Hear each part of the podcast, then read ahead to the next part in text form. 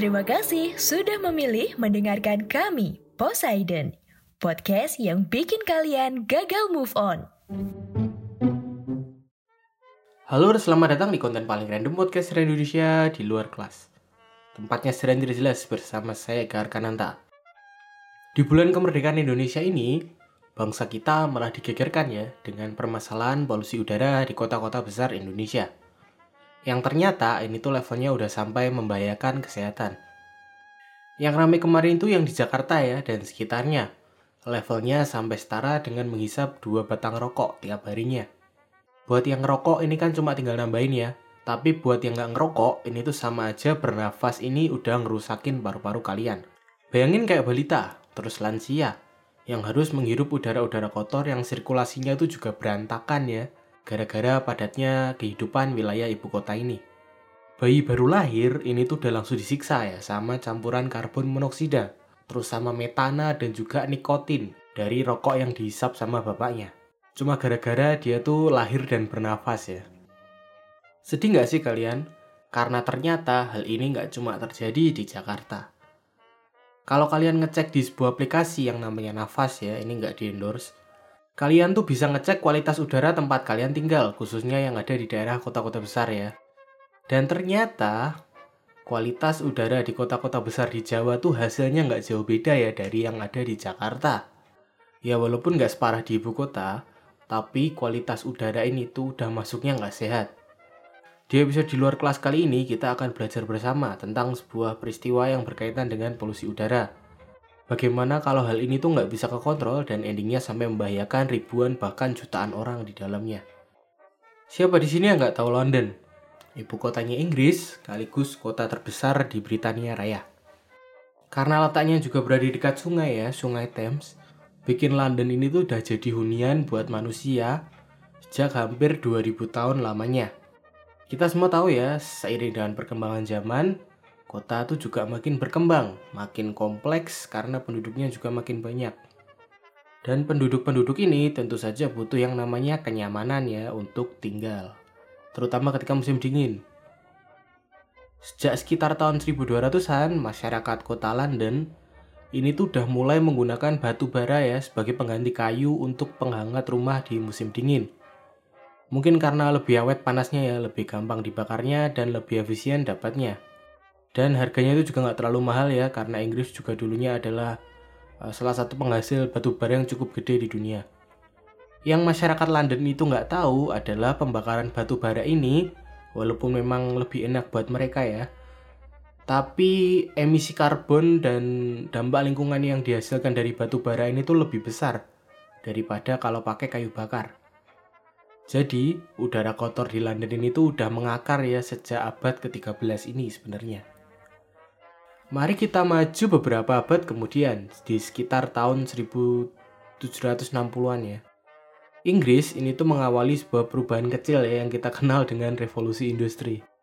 Sebuah perubahan pola ekonomi dan kehidupan manusia ya dari yang awalnya mengandalkan ketahanan otot menjadi ke penggunaan mesin yang juga memungkinkan untuk terjadinya produksi besar-besaran ya dengan biaya murah. Bikin pabrik ini tuh akhirnya muncul di mana-mana.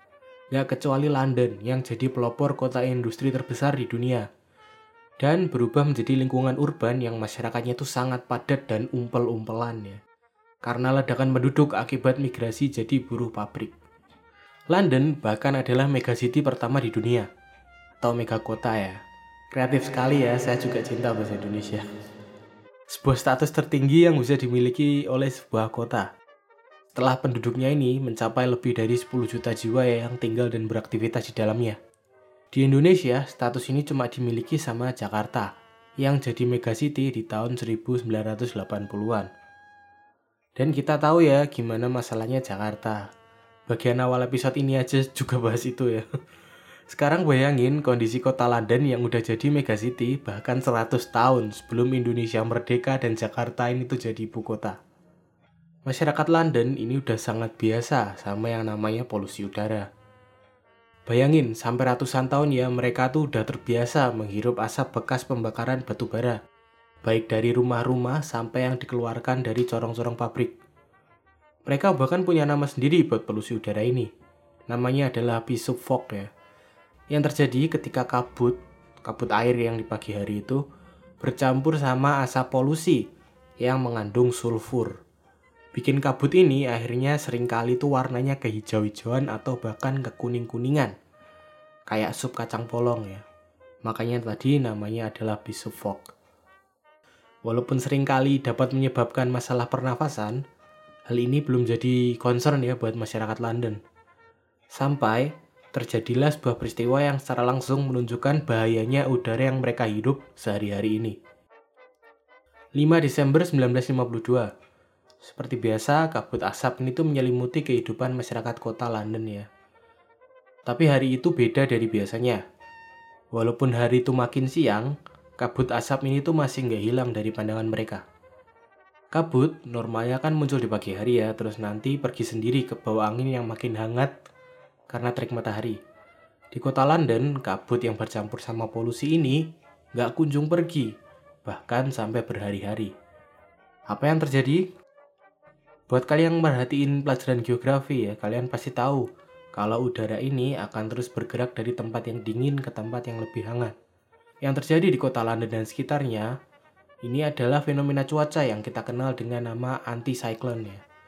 Ketika udara yang lebih dingin dari kutub utara itu ketemu sama udara dari lautan selatan yang lebih hangat. Dan endingnya ini tuh justru bikin pusaran ya, mereka cuma muter-muter di satu tempat. Dan dalam konteks peristiwa kali ini, itu menjebak kota London dalam kabut asap polusi selama berhari-hari. Sebelum akhirnya fenomena alam ini tuh berakhir tanggal 9 Desember 1952. Masyarakat London yang udah terbiasa sama polusi udara kotanya ini, ini nggak mikir aneh-aneh pada awalnya yang mereka pikirkan itu cuma ya kenapa kali ini tuh kabutnya lebih tebal dan lebih lama aja dari biasanya. Buat konteks berapa parahnya ya, jarak pandang ini tuh cuma terbatas beberapa meter. Bikin yang jalan kaki aja tuh susah ya, bisa kesandung-sandung. Apalagi yang mencoba berkendara. Semua transportasi umum ini tuh sempat dihentikan ya, kecuali kereta bawah tanah. Ambulan ini tuh juga berhenti beroperasi jadi kalau kalian sakit atau kritis, pilihannya itu cuma dua ya. Kalian pergi sendiri ke rumah sakit atau nunggu mati. Acara-acara di luar ruangan semuanya juga dibatalin, misal kayak event-event olahraga. Bahkan kayak konser yang ada di dalam aula atau penayangan film-film di bioskop ini tuh juga pada ditutup. Karena sampai nggak kelihatan di dalam ruangan gara-gara ketutupan kabut asap. Di pagi dan siang aja ini tuh susahnya minta ampun ya buat ngeliat apalagi waktu malam di era di mana lampu jalan aja tuh jarang-jarang ya dan nggak terlalu terang kayak sekarang. Tapi sekali lagi, peristiwa ini bukan hal yang masyarakat London kala itu tuh gegerkan. Karena saking biasanya ya mereka sama polusi udara ini.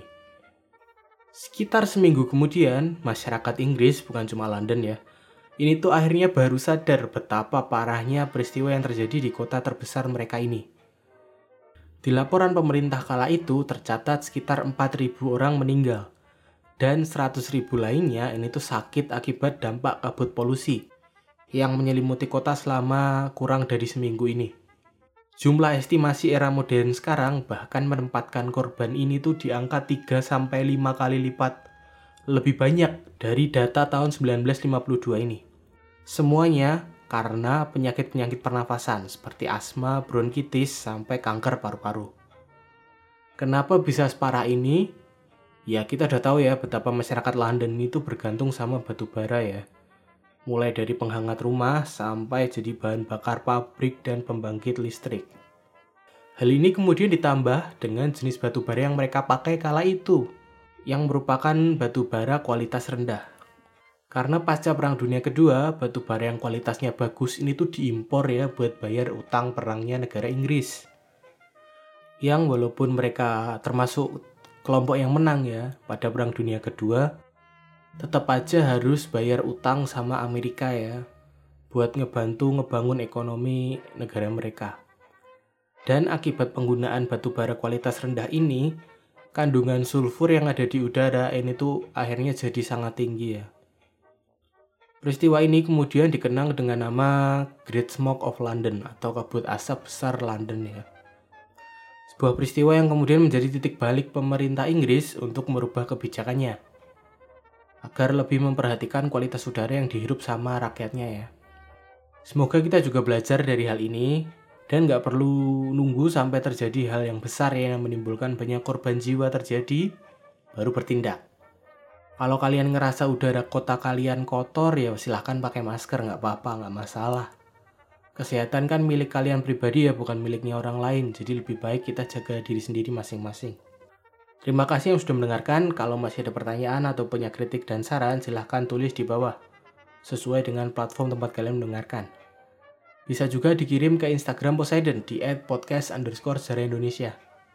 Atau ke Instagram pribadi saya di Atroti Kecap. Jika ada kesalahan, saya mohon maaf sebesar-besarnya. Saya Garkananta pamit. Sampai bertemu di konten Poseidon lainnya.